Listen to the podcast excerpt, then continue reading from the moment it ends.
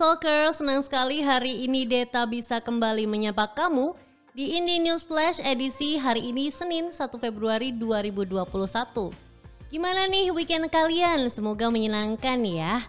Wah, awal bulan mestinya semangat dong. Meskipun hujan masih aja bikin kita malas gerak, apalagi buat kamu-kamu yang masih harus bekerja dari rumah alias work from home. Nah, buat kamu nih Mageriawan dan Mageriawati, Deta hari ini bakal kasih kamu 10 berita terkini seputar Jateng dan DIY. Mau tahu ada berita apa aja? Yuk, kita simak Indian News Flash hari ini.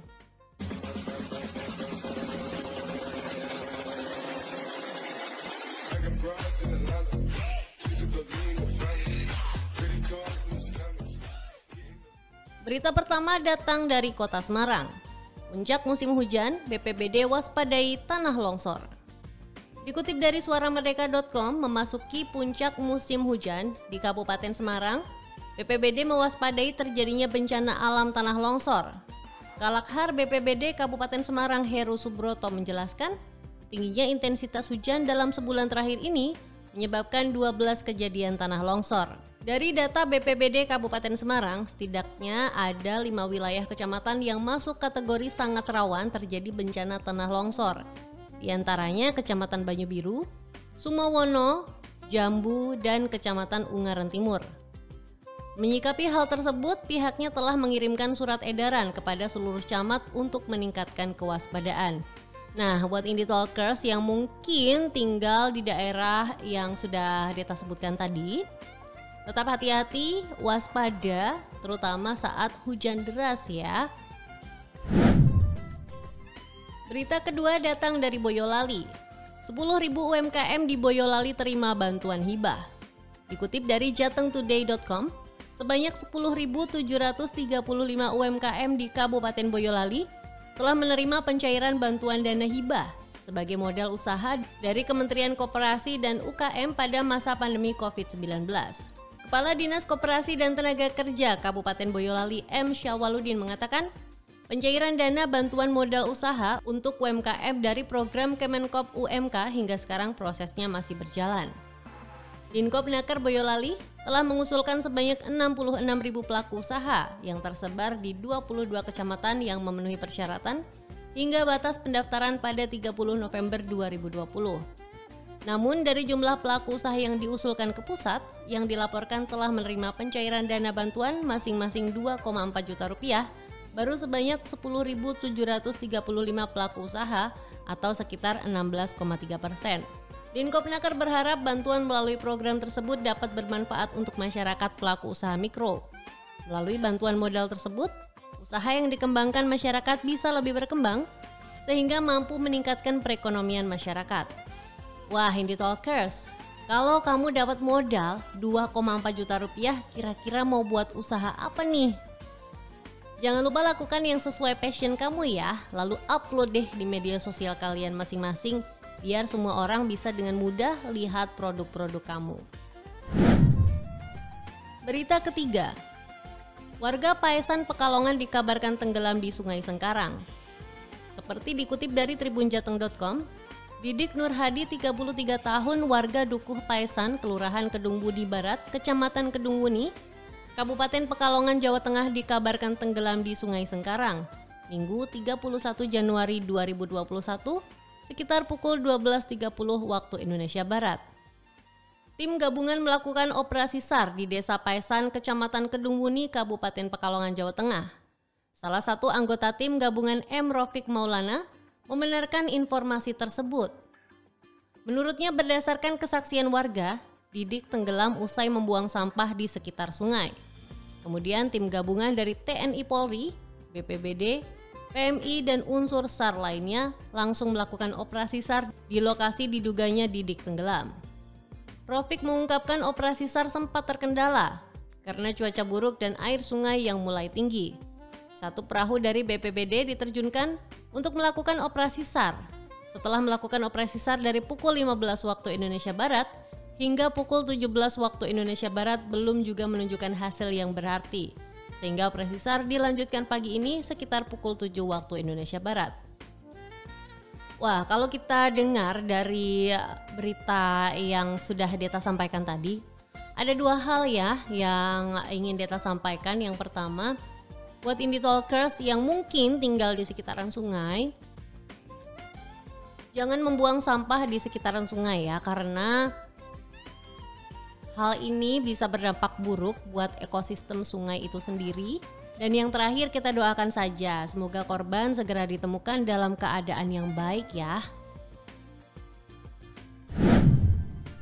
Berita keempat. Naik pamor getuk goreng khas Kudus akan diikutkan festival kuliner di Slovenia.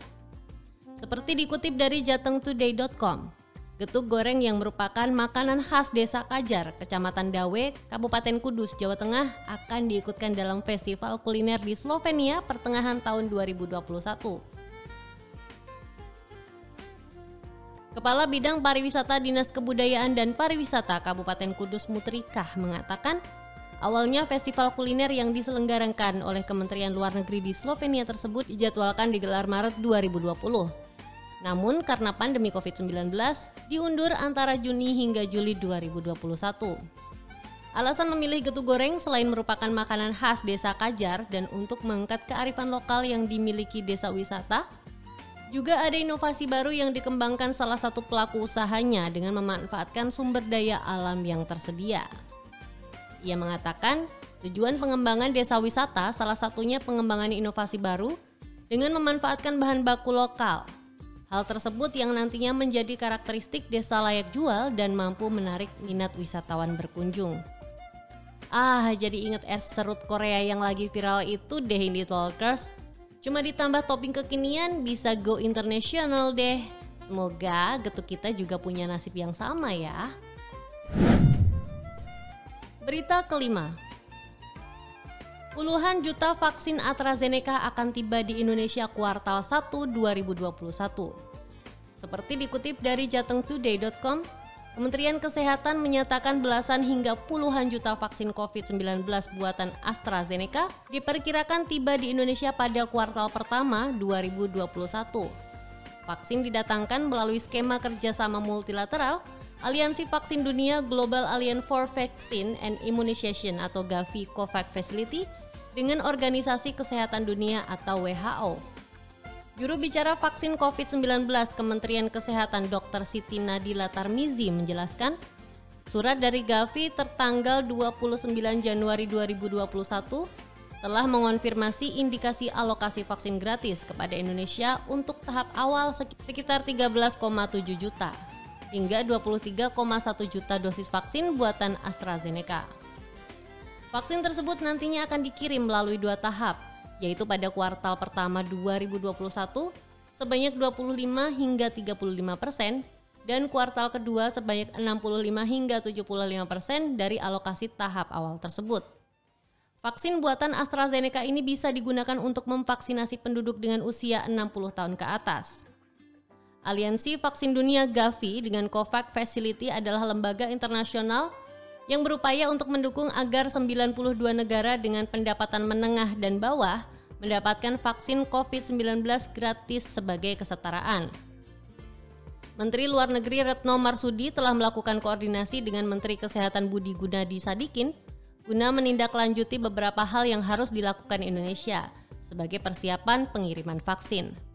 Seperti halnya vaksin Sinovac, vaksin AstraZeneca nantinya harus mendapatkan emergency use of authorization dari Badan POM sebelum dapat digunakan di Indonesia. Wah, kabar baik ya Indie Talkers. Buat kalian-kalian yang punya keluarga yang sudah berusia 60 tahun ke atas, sekarang bisa bernafas lega nih karena mereka akhirnya juga bisa dapat vaksin gratis dari pemerintah. Semoga aja pandemi ini cepat berlalu ya. Udah kangen sungkem nih sama papa mama? Berita ke-6, dukung ekosistem kendaraan listrik, PLN luncurkan aplikasi charge.in. Dikutip dari suaramereka.com, PLN melakukan peluncuran aplikasi PLN Charge.in untuk mendukung ekosistem kendaraan bermotor listrik berbasis baterai atau KBLLB di Indonesia.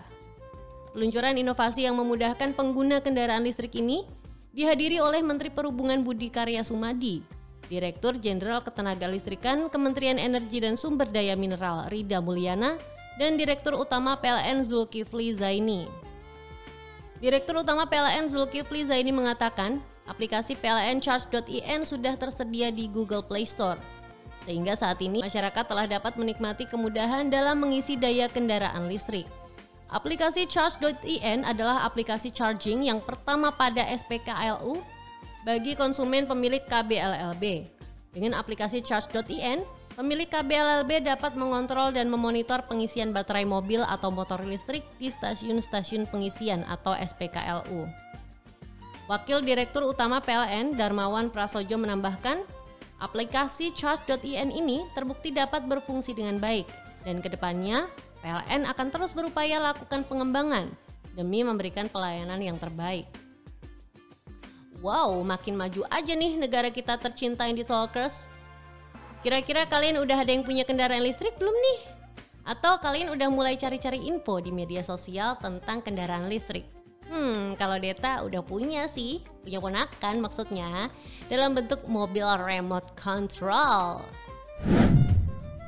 Berita ketujuh, stasiun di Daop 4 Semarang belum terima alat Genos. Seperti dikutip dari jatengtoday.com, Sejumlah stasiun di wilayah kerja PT KAI Daop 4 Semarang belum memperoleh jatah penggunaan tes Genos.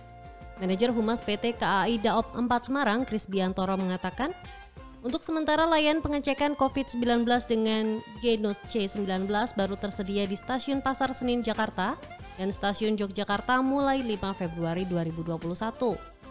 Menurutnya layanan tes COVID-19 sebagai syarat untuk perjalanan jarak jauh yang masih tersedia yakni tes cepat antigen.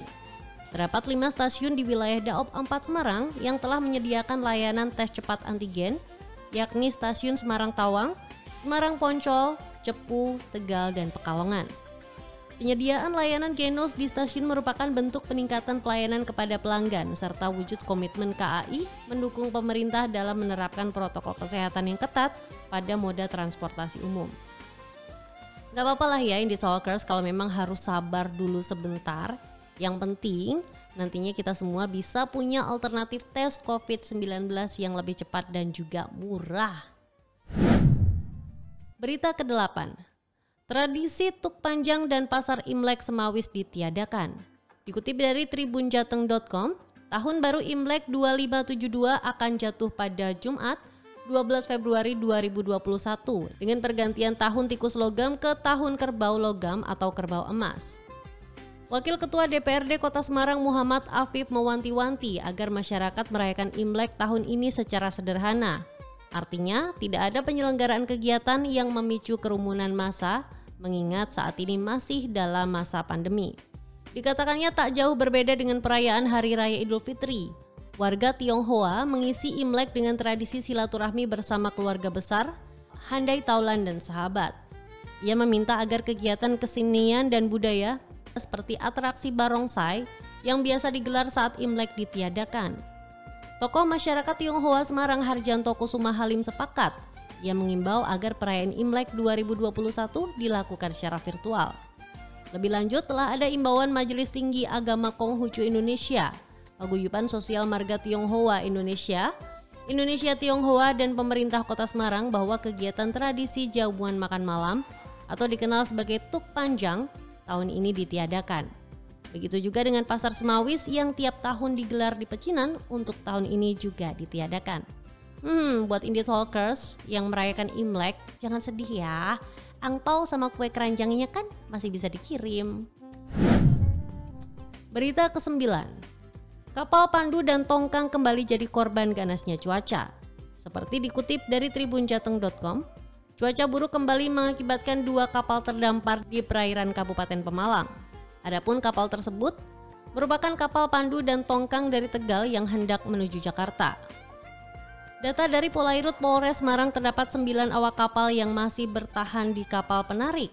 Meski demikian, 9 awak kapal tersebut dinyatakan dalam kondisi baik dan masih bertahan di kapal penarik. Polairut Pemalang bersama tim gabungan Angkatan Laut serta Kodim 0711 Pemalang telah mengecek kondisi awak kapal Takbut Bloro 15. Dia mengatakan bahwa kondisi mereka baik dan perbekalan di kapal masih cukup. Mereka hanya menunggu cuaca membaik dan berencana kembali menarik kapal tongkang. Dilanjutkannya, Polres Pemalang bersama TNI akan membantu evakuasi kapal tongkang yang terdampak. Waduh, cuaca buruk kayak gini kayaknya harus hati-hati ya yang di talkers. Terutama buat kalian nih yang punya hobi mancing di laut, jangan sampai deh cuma gara-gara hobi malah jadi petaka buat kalian dan juga keluarga. Stay safe ya. Berita terakhir, Ribuan ikan mati di Jatiluhur. KKP berbicara fenomena upwelling. Seperti dikutip dari detik.com, ribuan ikan mati di Waduk Jatiluhur Purwakarta dan Waduk Saguling di Bandung Barat akibat cuaca buruk. Kementerian Kelautan dan Perikanan Republik Indonesia berbicara mengenai fenomena upwell berbicara mengenai fenomena upwelling atau pembalikan massa air. Direktur Jenderal Perikanan Tangkap KKP Muhammad Zaidi menjelaskan, suhu permukaan air akan rendah karena musim hujan yang saat ini melanda Indonesia. Jadi, saat suhu rendah berat jenis air di permukaan akan tinggi. Karena hal tersebut akan terjadi perputaran air dari atas ke bawah. Zaini menyebut kematian ikan akibat cuaca buruk ini rutin terjadi setiap tahun.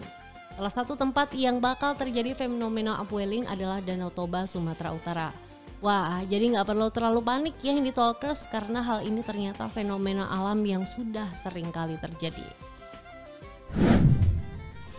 Ya, itulah tadi Hindi Talkers 10 berita terkini seputar Jateng DIY yang saya sampaikan hari ini.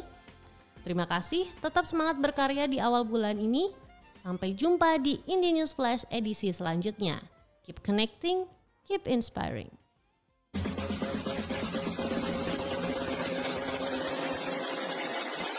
to in Atlanta.